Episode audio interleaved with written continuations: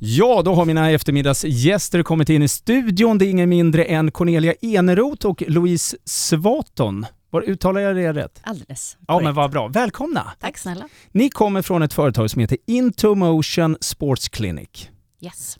Och varför har jag tagit hit er idag? Jo, för att det är ju enormt mycket tennis just nu, men i övrigt är det väldigt också mycket paddel. Och är det någonting som händer, i alla fall i mitt kompisgäng då, är att man skadar sig, man sträcker sig, man, ja, det, det, det kan till och med vara tennisarmbågar och allting sånt. Och det är här ni kommer in. Eller hur? Ja. Eh, Louise, du är ju naprapat. Ja. Vad är de vanligaste skadorna inom tennis eller paddel? De vanligaste skadorna inom tennis och paddel är oftast man får problem med hälsenan och stukningar. Alternativt att det kryper upp och man får problem med sin knä. Eh, även problem med en inskränkt rörelse, alltså dålig rörelse i höften och inflammation i höftböjan. Mm. Och går man lite högre upp så kan man få problem med lillfinger, det är handled, tennisarmbåge och sen upp mot axelleden då som är att man kan få slemsäcksinflammation eller inflammation i en sena. Mm. Ja, det har jag fått kan jag säga. Inte dock av tennis eller paddel. Eh, eh, Helt ointressant detta egentligen, men eh, jag fick det av en eh, eh, sån här kettlebell. Eh, det var Just en Mm. person på ett företag som sålde in det till mig, eh, 16 kilo, att man skulle gå in i så högt eh, om man var kille och 8 kilo om man skulle vara eh, tjej då. Eh, jag köpte den där 16 kilo och sen så hade jag, har jag fortfarande problem och det är ju sex, sex år sedan. Men eh, vi släpper det lite grann där. Eh, men eh, otroligt Louise, eh, det var nerifrån och upp eh, vad man har för problem och kan få pro, för problem. Men man vill ju ha, hålla sig skadefri.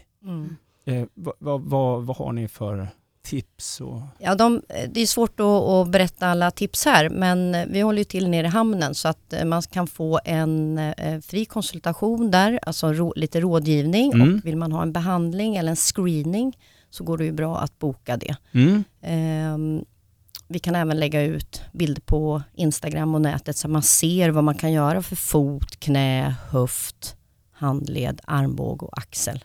Eh, när du träffar, eh, eller när ni träffar eh, eh, klienterna, är det så då att har de värmt upp tillräckligt? Är det liksom, eh, vad, vad, vad, gör, de, vad gör vi för fel i, från början? Det vanligaste är att man, man värmer ju inte upp, men sen upplever jag att de flesta är, de är väldigt stela. För efter 40-45 så kanske man har hållit på med någon idrott innan eller ingen idrott alls. Och då är man väldigt, väldigt stel i, i eh, rotationen i höften och man är stel i bröstryggen för man har suttit mycket och eh, knappat på datorn. Eh, och eh, det gör att du får inte, det är en rotationssport och då måste du kunna rotera nerifrån och upp helt enkelt. Ja, stretching, eh, det är ju väldigt bra eller dåligt. Eh, jag tycker stretching är bra men man ska tänka sig för var och hur och när man lägger den där stretchen. Eh, ska du gå ut och köra en explosiv sport som paddel och tennis är så ska man, det man kan göra är att öka rörligheten. Då går man inte ut i ändlägena utan du står och roterar i höften, du jobbar fram, sida, rotation. Och sen för att inte sträcka dig, Mm. du drar ju ut muskeln och då är det jättelätt att sträcka sig. Ah. Och du blir inte lika explosiv har man sett Nej, okej. såklart. Eh, och sen lägger man all hårdare och tuffare töj efter sitt träningspass. Ja. Ehm, eh, jag, jag tänker också inför en match, är det liksom att bli varm i kroppen som är det viktiga? Eller är det, vad vad ska man tänka på när man värmer upp? Nej, men jag tycker att man ska värma upp med att antingen så sätter man sig på en träningscykel eller så joggar man så man i alla fall har 10 minuter som man blir, blir varm i kroppen. Det är minimum. Ja, det är minimum, absolut. Nu är det många som går ut och, och de går ut direkt på plan. Mm. Och de tänker ju det att efter tio Ja. minuter så är jag uppvärmd. Precis. Och sen tycker jag att cirka 5-10 minuter så, så jobbar man med rörligheten, Mm. fast inte i ytterlägena. Nej, okej.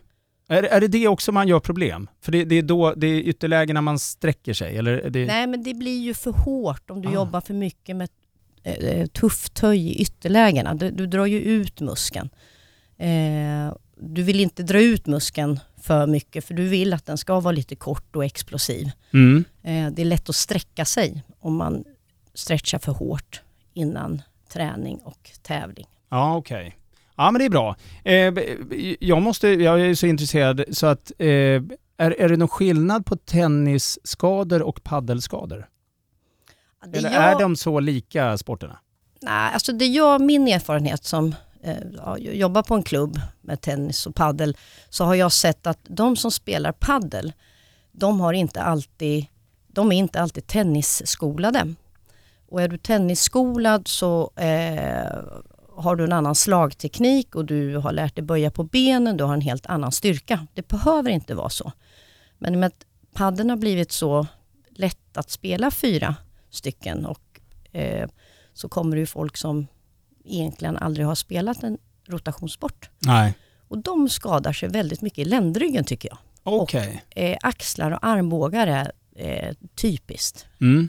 Men ländrygg, Ehm, i- vad heter det? Into Motion Sports Clinic. Ni kommer vara nere i hamnen. Mm. Eh, Cornelia, Mm. vad, vad, vad, vad kan du säga om eh, ert eh, företag?